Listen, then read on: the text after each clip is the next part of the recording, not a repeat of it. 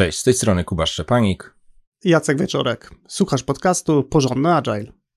Rozmawiamy o tym, jak pracować zwinnie i jak robić to porządnie. Zapraszamy.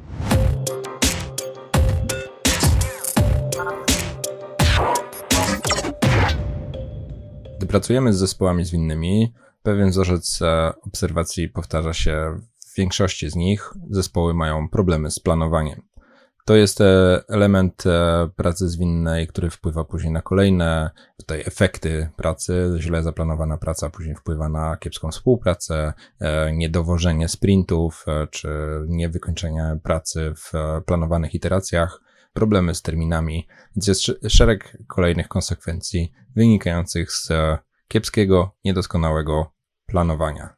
Coś, co nas uderza, to to, że w, w temacie techniki, metod prac zwinnych dużo się mówi o różnych e, składowych. E, przychodzi mi tu do głowy na przykład retrospektywa, o której się mówi dużo, jest dużo technik, dużo historii, jak je robić dobrze. Natomiast e, element, który jest bardzo ważny, czyli planowanie pracy całego zespołu, jest dosyć mało popularny.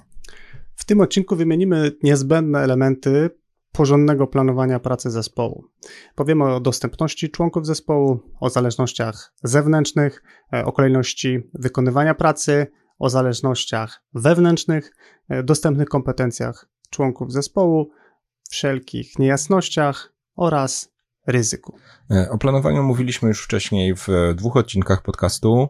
E, dawno, dawno temu, w 13 odcinku mówiliśmy o tym, jak powinno wyglądać porządne planowanie sprintu, taka perspektywa bardzo konkretnie skramowa, e, a już niedawno, w 77 odcinku mówiliśmy o tym, dlaczego zespoły nie planują zespołowo. Wracamy do tematu planowania, ale w tym odcinku nie zdublujemy treści z tamtych materiałów, więc jeśli jeszcze ich nie słuchałaś lub nie słuchałeś, to zapraszamy do ich odsłuchania, najlepiej po pełnym przesłuchaniu tego odcinku. Lista, przez którą przejdziemy, pochodzi z mojej książki e, Labirynty Scrama, e, w której opisuję konkretne rozwiązania na najczęstsze problemy zespołów skramowych. Delikatnie tą listę sobie e, poprzestawialiśmy z Kubą, uzupełniliśmy ją o taką naszą aktualną wiedzę i teraz krok po kroku przez tą listę przejdziemy. Od czego byś, Kuba, zaczął kiedy myślisz o przygotowywaniu e, dobrego planu zespołowego? No, pierwszym dla mnie absolutnie obowiązkowym punktem takiego planowania zespołowego jest e, dostępność członków zespołu. Mamy tu na myśli e, taki przypadek, że zazwyczaj w odpowiednio dużym zespole, przy odpowiednio długiej iteracji, na przykład dwutygodniowej, prawdopodobnie ktoś będzie z jakiegoś powodu trochę niedostępny lub kompletnie niedostępny. To mogą być urlopy, to mogą być planowane szkolenia, to może być też coś, co się wydarza w firmie, jakiś wyjazd, może jakaś wizyta u klienta. E, szereg czynników, które powoduje, że e, dostępność nie jest e, taką jakąś ścisłą regułą, coś, co można z góry założyć, że przez najbliższe 9 dni roboczych z rzędu jestem do dyspozycji całego zespołu. Mhm. I tutaj to ma bardzo duże konkretne konsekwencje to może być zmienne, możemy nie wiedzieć o tych wszystkich aspektach, może ktoś ma jakieś e, plany takie już no bardziej prywatne, o których nie mówił, jakieś, jakieś na przykład operacje, czy właśnie jakieś e, nietypowe urlopy w środku roku, a niekoniecznie w wakacje, e, więc to jest coś, co warto sobie ustalić, warto sobie zaobserwować, bo możemy to konkretnie rzutować na to, jak zespół może wykonać działania, jak, e, jaka, jaką ma tak ogólnie mówiąc przepustowość, w sensie jaką ilość pracy jesteśmy w stanie mm, wykonać, ale to też może e, rzutować na obecność konkretnych osób, aczkolwiek to pokrywa nam się w kolejnym punkcie. Więc pierwszy punkt, o którym myślę, to ustalenie dostępności członków zespołu, zanim przejdziemy do jakichkolwiek takich już faktycznych czynności planistycznych. I ten punkt może brzmieć tak bardzo oczywiście, no że przecież tak właśnie powinniśmy zrobić. Natomiast e, zdecydowaliśmy się e, o tym punkcie wspomnieć z tego powodu, że e, oboje z Kubą widzimy sytuacje zespołowe, kiedy zespół zabiera się za planowanie i właściwie kompletnie pomijają ten aspekt, kto będzie dostępny i w jakim wymiarze, jakie to będą dni, czy to jest właśnie nieobecność na cały dzień, na pół dnia, na dwie godziny. Uważamy, że jednak powiedzenie sobie wprost tego powoduje, że ten plan się nieco urealnia i bardzo często się spotykam z taką reakcją, e, gdy e, zachęcam zespół, żeby jednak tą dostępność sobie tak dosyć dobrze zewidencjonował, z takim odkryciem, no jednak nie mamy pełnych dwóch tygodni, tak jak myśleliśmy. Jednak się okazuje, że tu jeden dzień, tu jeden dzień, tu ktoś ma urlop, tu jakieś szkolenie, tu wyjazd. No i realnie widać, że po prostu tego czasu mamy mniej niż początkowo mogliśmy uważać. Dlatego e, jest to pierwszy punkt, super istotny i od tego punktu uważam, że warto wyjść. I to jest coś takiego, że tutaj e, zespoły, które wykonują faktyczne czynności planowania, prędzej czy później wpadną na to, że na przykład kogoś bardziej nie ma, więc czasami w w jakiejś kolejnej części sesji planowania wyjdzie, że kurczę, kurczę, jednak musimy wrócić i ustalić, bo są jakieś e, wyraźniejsze niedostępności. No ale tutaj, y, jak rzadko w e, tym odcinku jednak będziemy się upierać, że to jest ten pierwszy krok. E, ustalmy sobie dostępności i dopiero na ich bazie wykonujmy resztę czynności, bo to w zasadzie w ciemno wiemy od razu, tutaj nie ma żadnej magii, to jest wręcz taka, bym powiedział, bardzo sucho inwentaryzacja i, i bardzo często to dokładnie taki kształt też w praktyce ma jakaś tabelka, jakiś, jakiś Excel, jakaś, jakiś rysunek, na którym po prostu nanosimy znaną nam wiedzę o dostępności. Mm, no tutaj się będzie trochę kłaniał temat ze starej dobrej szkoły project managerskiej. Kalendarze na początku planowania się ustala, a nie dopiero w, w toku gdy zaczyna nam się robić już zamieszanie i, i przesunięcia, których, e, których niekoniecznie za, nad którymi niekoniecznie zapanujemy. Kolejnym elementem, na który warto zwrócić uwagę na początku, jest sprawdzenie zależności zewnętrznych.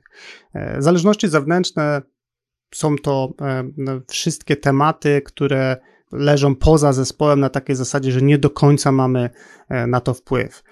To mogą być jakieś inne zespoły, to mogą być jakieś konkretne kompetencje, których my nie mamy w zespole, a w, w, konkretnym, w konkretnej iteracji czy w konkretnym sprincie takiej osoby e, potrzebujemy. E, to mogą być też dostawcy zewnętrzni różnego rodzaju e, systemów konkretnych, czy jakichś bramek, czy jakichś API.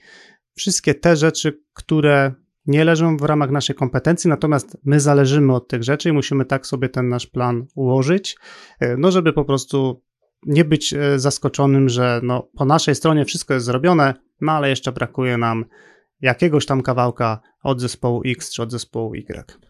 I również ten przypadek e, wymieniamy dosyć wcześnie. Ten element planowania e, można w zasadzie traktować jako część tej takiej wczesnej inwentaryzacji w czasie planowania, bo ponownie zazwyczaj na te zależności wewnętrzne, zewnętrzne nie mamy aż tak dużego wpływu. Po prostu tak jest, na to się umówiliśmy, jakiś zespół, który nas wspiera, jakiś e, specjalista, który nam coś e, obiecał, czy może w ogóle zewnętrzny partner, jakiś spoza naszej firmy, do, coś nam dostarczy, albo oczekuje, że my coś dostarczymy, więc to mogą być bardzo różne rodzaje zależności, ale zazwyczaj one po prostu są faktem, są jakimś takim sztywnym ogranicznikiem, który na jakiś plan możemy sobie po prostu nanieść i wiedzieć. Do środy w drugim tygodniu musi się wydarzyć X, albo dopiero w środę wydarzy się Y.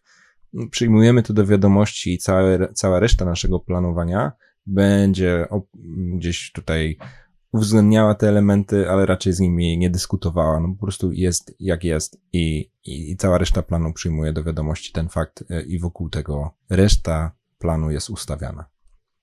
Trzecim punktem, który warto uwzględnić w planowaniu zespołowym, to kolejność wykonywania pracy.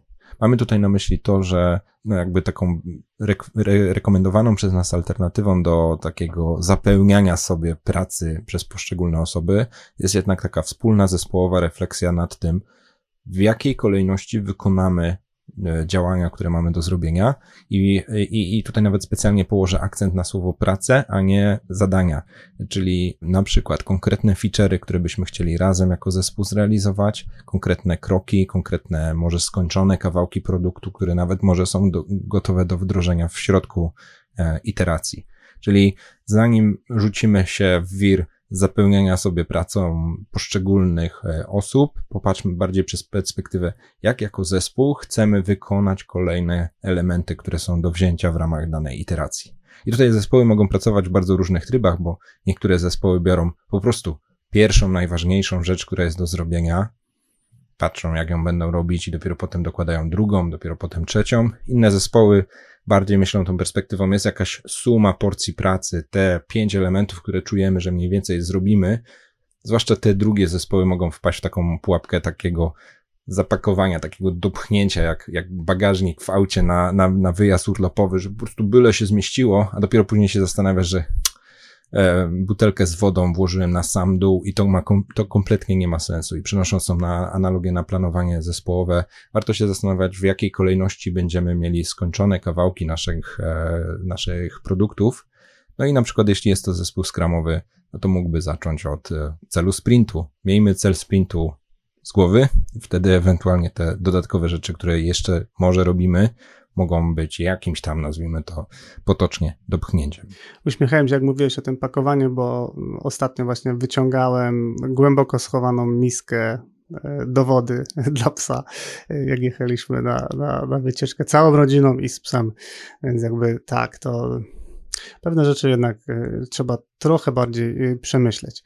Natomiast komentując to, to co mówisz, częste odkrycie, że kolejność jest niewłaściwa, następuje dopiero w toku planowania, czyli zespół zaczyna sobie planować i odkrywa, że na przykład to, co jest najważniejsze do zrobienia w nadchodzących dwóch tygodniach, no trochę nam wychodzi jakby poza te, te dwa tygodnie i następuje takie, wizualnie to najczęściej się przedstawia w ten sposób, że wszystkie te, te cała ta praca jakby cofa się na zasadzie, że mm, przyciągają zespół do początku, e, do początku iteracji, czy do początku e, sprintu, no i wtedy się okazuje, że okej, okay, jakby to się mieści, czyli często ta refleksja przychodzi, ale dopiero za późno, trochę Podobnie jak z tymi nieobecnościami. Jakby stąd e, wielokrotnie widząc takie, mm, takie zachowania zespołów, no jestem, jestem na dzisiaj przekonany, że na to pytanie, od czego powinniśmy zacząć i, dla, i dlaczego, trzeba sobie zadać na samym początku planowania. Kolejnym aspektem, który warto rozważyć, są to zależności wewnętrzne. Mówiliśmy o zależnościach zewnętrznych zespołu. Podobny problem może się pojawić również e, wewnątrz. Takim bardzo popularnym e, klasykiem, e, który często widzę pracując z zespołami, jest zależność części backendowej od części frontendowej. I rozpoczynają się dyskusje, kto musi rozpocząć pierwszy, kto na kogo czeka, od czego zacząć, w jaki sposób to zrobić. Mówię tutaj oczywiście o takiej sytuacji, w której dążymy jednak do tego, żeby ta praca na różnych warstwach działać w sposób symultaniczny, no bo oczywiście prostym rozwiązaniem jest to, że e, w jednej iteracji robimy backend, w drugiej robimy e, front, ale nie do końca o to chodzi. E, jednak zależy nam na tym, żeby rozwój produktu dział się na wszystkich warstwach, w sensie, żeby to po prostu każda iteracja czy każdy sprint kończył się jakimś sensownym przyrostem, więc jeżeli chcemy pracować w ten sposób, do czego oczywiście gorąco zachęcam, no to te zależności musimy sobie troszeczkę głębiej e, rozpracować i zastanowić się, jak sobie poradzić z sytuacją, z sytuacją, w której na przykład robimy frontend, ale nie jest jeszcze gotowy e, backend. I oczywiście są na to, e, na to sposoby, co nie jakby treścią tego odcinka. No, niemniej warto mieć to na uwadze, że też taka praca, w której efektem sprintu jest coś namacalnego, wymaga zastanowienia się, na jakich warstwach się poruszamy i jakie zależności pomiędzy tymi warstwami występują. No i użyliśmy tutaj przykładu, e, czy Jacek wspomniałeś taką bardzo programistyczną perspektywę. Część naszych słuchaczy mm, jest również e, spoza tego świata IT. Zazwyczaj w zespołach, zazwyczaj w jakichś e, działaniach tego typu zależności mogą następować. One mogą być bardziej z perspektywy kompetencyjnej, czyli na przykład najpierw grafik musi coś zaprojektować, żeby ktoś później mógł tego użyć, na przykład w jakichś materiałach marketingowych, a czasami jest też taka zależność bardzo naturalna. Najpierw musimy wymyślić koncept szkolenia, żeby później do tego konceptu dorobić jakieś konkretne ćwiczenia czy konkretne szczegółowe materiały. Więc te zależności, one One nawet nie zawsze są takie do pominięcia kompletnie, one są dosyć naturalne. No i w toku planowania, no trzeba po prostu przemyśleć, jakie te zależności są i je, je uwzględnić. One mogą mieć szczególnie niebezpieczny charakter, jeśli sobie tak troszkę zignorujemy pomyślenie, czy nie ma takich zależności bardzo sztywnych, że coś musi się skończyć, żeby coś następnego musiało się zacząć. Jeśli tak jest autentycznie, to może powodować, że akurat ta sekwencja zadań, zadanie pierwsze, zadanie drugie, zadanie trzecie, jeśli każde z nich jedno po drugim musi następować, to one mogą być e, no, dosyć istotne, żeby przewidzieć je, przemyśleć, żeby być może też, e, żeby one też nie łapały żadnych opóźnień, bo opóźnienie na tej, e, no właśnie sekwencji zadań może też opóźnić całą pracę całego zespołu i jeśli na coś patrzeć, to właśnie na to, żeby te zadania mhm. następowały po sobie w dobrej kolejności.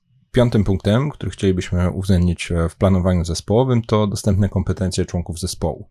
To jest trochę powiązane z tymi zależnościami wewnętrznymi wymienionymi wcześniej, ale myślimy też o czymś e, szerzej. Zazwyczaj w zespole jakiś miks kompetencji u każdej osoby następuje. To mogą być jakieś kompetencje takie generyczne, na zasadzie jestem programistą, jestem testerem, jestem analitykiem, znam się na tej konkretnej technologii, jestem tej konkretnej profesji specjalistą, ale to też mogą być kompetencje takie branżowe czy domenowe. Znam ten fragment kodu, e, znam się na tym konkretnym procesie biznesowym, no i może się okazać, że to jest czynnik, który warto w planowaniu uwzględniać.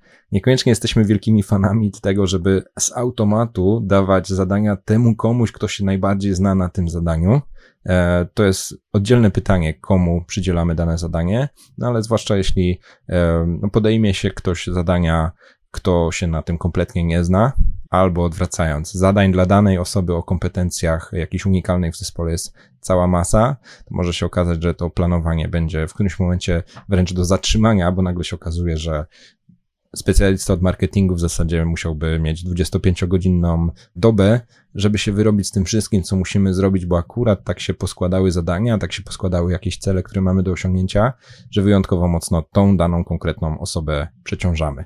Więc tutaj e, bądźmy czuli na to, jakie mamy dostępne kompetencje, bądźmy jakby zamapujmy też to na to, co jest do zrobienia, no i z tego wyciągajmy wnioski. Ten plan niech będzie pochodną, czy niech uwzględnia ten aspekt kompetencyjny. Kolejnym aspektem przedostatnim, który warto wziąć pod uwagę, są wszelkiego rodzaju niejasności. Możemy się spotkać z sytuacją, w której wchodzimy w iterację czy w sprint i nie do końca wszystkie detale mamy e, zapięte na ostatni guzik, e, na takiej zasadzie, że de decydujemy się na to, że jest jakaś tam niejasność jeszcze na przykład na poziomie kryteriów akceptacji jakiejś tam pracy do wykonania, no ale to jest nieblokujące i na bazie doświadczenia zespołu wiemy, że na przykład doprecyzowanie tego to jest jakaś tam e, godzinna rozmowa z jakąś konkretną osobą. Stąd zespoły decydują się na to, żeby jednak nie blokować sobie pracy na zasadzie, że wszystkie te elementy jakiejś tam definicji gotowości są już na zielono, czyli są spełnione i jednak decydują się na to, żeby w trakcie mm, pracy pewne rzeczy doprecyzowywać. I jakby dopóki e, to nie, nie niszczy planu zespołu, nie powoduje, że pewne rzeczy, które planowaliśmy zrobić, nam nie wychodzą, to uważam to za, za sensowną e, strategię przy czym warto używać jej z głową, bo to jest jakby coś zupełnie innego niż wchodzimy sobie w iterację kompletnie nieprzygotowani i, i jakoś to będzie, nie? Więc tylko tutaj zwróciłbym uwagę, że to nie jest jakiś taki hura optymizm i chaos, raczej bardzo świadoma decyzja, te rzeczy sobie dociągniemy w trakcie sprintu i jakby nie ma problemu, że na dzisiaj ich nie wiemy. No i konsekwencją tej świadomości, o której powiedziałeś, jest też to, że na przykład planuję sobie, że uzupełnię jakąś wiedzę, albo przemyślę, zaprojektuję jakiś fragment, który dzisiaj jeszcze nie wiem, jak będzie wyglądał, ale w środku sprintu będę o tym decydować. Jeśli w planie założę sobie, że na przykład za dwa dni będę mieć projekt, model, brakującą wiedzę, informacje, jak działa dana biblioteka, a jednak upłynęły dwa dni, jest trzeci dzień na daily, nadal mówię o tym, że jeszcze projektuję, to może być już wyraźny sygnał, efekt tego takiego zespołowego planowania. Wiele osób może to też gołym okiem zobaczyć, że kurczę, to już mieliśmy mieć zaprojektowane, a nie mamy. Oczywiście nie chodzi o to, żeby się tutaj winić, żeby ciągać się po sądach za to, że ktoś nie wypełnił obietnicy, ale dla planującego i później monitorującego swój plan zespół to jest pewien sygnał. Przewidywaliśmy, że te niejasności wyjaśnimy, a jednak ich nie wyjaśniliśmy. dlaczego o tym mówię? Bo w sumie w pewnym sensie klasykiem jednak jest postępowanie w ten sposób, że na początku sprintu te niejasności zazwyczaj są wyjaśniane, Mhm. Jak są wyjaśnione z opóźnieniem, to jeszcze jesteśmy optymistami, a później nam tego czasu brakuje pod koniec e, danej iteracji. E, no i, i, i, niestety, ale tutaj trzeba być chyba takim trochę pesymistą, może tak bardziej surowo oceniać rzeczywistość. Jeśli w pierwszym, drugim dniu tego naszego planu ten plan zaczyna nam się rozpadać, co jest niestety klasykiem, no to już być może jest sygnał, żeby zacząć przeplanowywanie. Przeplanowywanie nie jest e, częścią tego odcinka, ale to jest coś, co chciałem do, jakby tutaj e, dopowiedzieć o tych niejasnościach. Zaplanujmy sobie świadomie i zdyscyplinowanie, kiedy te niejasności będziemy mieli rozwiązane. Jeśli ten plan nam wychodzi poza, poza, poza planowane ramy, to to już jest czas, żeby, żeby reagować. Jak reagować? No to już jest poza zakresem odcinka, ale, ale to jest coś, co może być bardzo przydatne też w środku iteracji. I podobna ostatnia rzecz, którą warto uwzględnić przy planowaniu zespołowym, to ryzyko. E, dla ścisłości tak dodefiniuję, co mamy na myśli i dlaczego to nie jest całą niejasności. Niejasności to jest coś, co z góry wiem, że nie wiem, no i powiedzmy umiem w miarę sobie powiedzieć, co dokładnie tam ma się wydarzyć. Ryzyko to będą rzeczy, które nawet nie wiem, że mogą się wydarzyć, albo są rzeczy, które mogą się wydarzyć, ale nie uważam ich za, za tak prawdopodobne. E, no i oczywiście to jest zawsze ocena, jak prawdopodobne pewne rzeczy są, no ale są takie ryzyka w, w wybranych zespołach, które jednak trzeba przy planowaniu uwzględnić. E, na przykład ryzyko, że nie zadziała nam środowisko, ryzyko e, problemów z jakąś starą częścią produktu, może jakieś ryzyko braku odpowiedzi ze strony kogoś, kto jest naszą zależnością zewnętrzną. Jest kilka takich, e, no powiedzmy, to najczęściej z doświadczenia wynika, kilka takich aspektów. W każdym zespole to może być trochę co innego, które jednak doświadczony zespół uwzględni i weźmie poprawkę na nie, bo jednak jeśli po pierwsze to może się wydarzyć, a jak się wydarzy, to konsekwencje dla naszej pracy mogą być istotne. Więc ryzyko to jest właśnie prawdopodobieństwo wystąpienia plus e, konsekwencje. No i jeśli te konsekwencje są ważne dla celu biznesowego, dla sukcesu wdrożenia, to są wszystko um, no, pytania, które sobie warto zadać. Jakie ryzyko może się wydarzyć i co my z tym ryzykiem możemy zrobić? Co możemy zrobić, żeby się nie wydarzyło? To czasami jest e, o wiele trudniejsze, ale co też możemy zrobić, żeby może nie miało takiego efektu e, na naszą pracę? Ten kawałek związany z ryzykami jest mocno powiązany z tym, e, jak zespół dokonuje refleksji też po konkretnych iteracjach. I jeżeli faktycznie taka refleksja zachodzi i analizujemy, jak nam poszło, co, co się udało, co się udało tak sobie, co się w ogóle nie udało, e, no to bardzo często na skutek takich rozmów jesteśmy w stanie zdiagnozować e, powody niepowodzeń i jakby wiedząc, w których obszarach jest ryzykowniej, e, jesteśmy w stanie takie ryzyko następnie e, wkalkulować. Z kolei, jeżeli zespoły nie poddają refleksji swojej pracy w jakiś taki sposób e, świadomy, no to trudno oczekiwać, że, że, że, że te pomysły czy, czy, czy zgłoszenia związane z ryzykami będą się podczas takiego planowania pojawiać.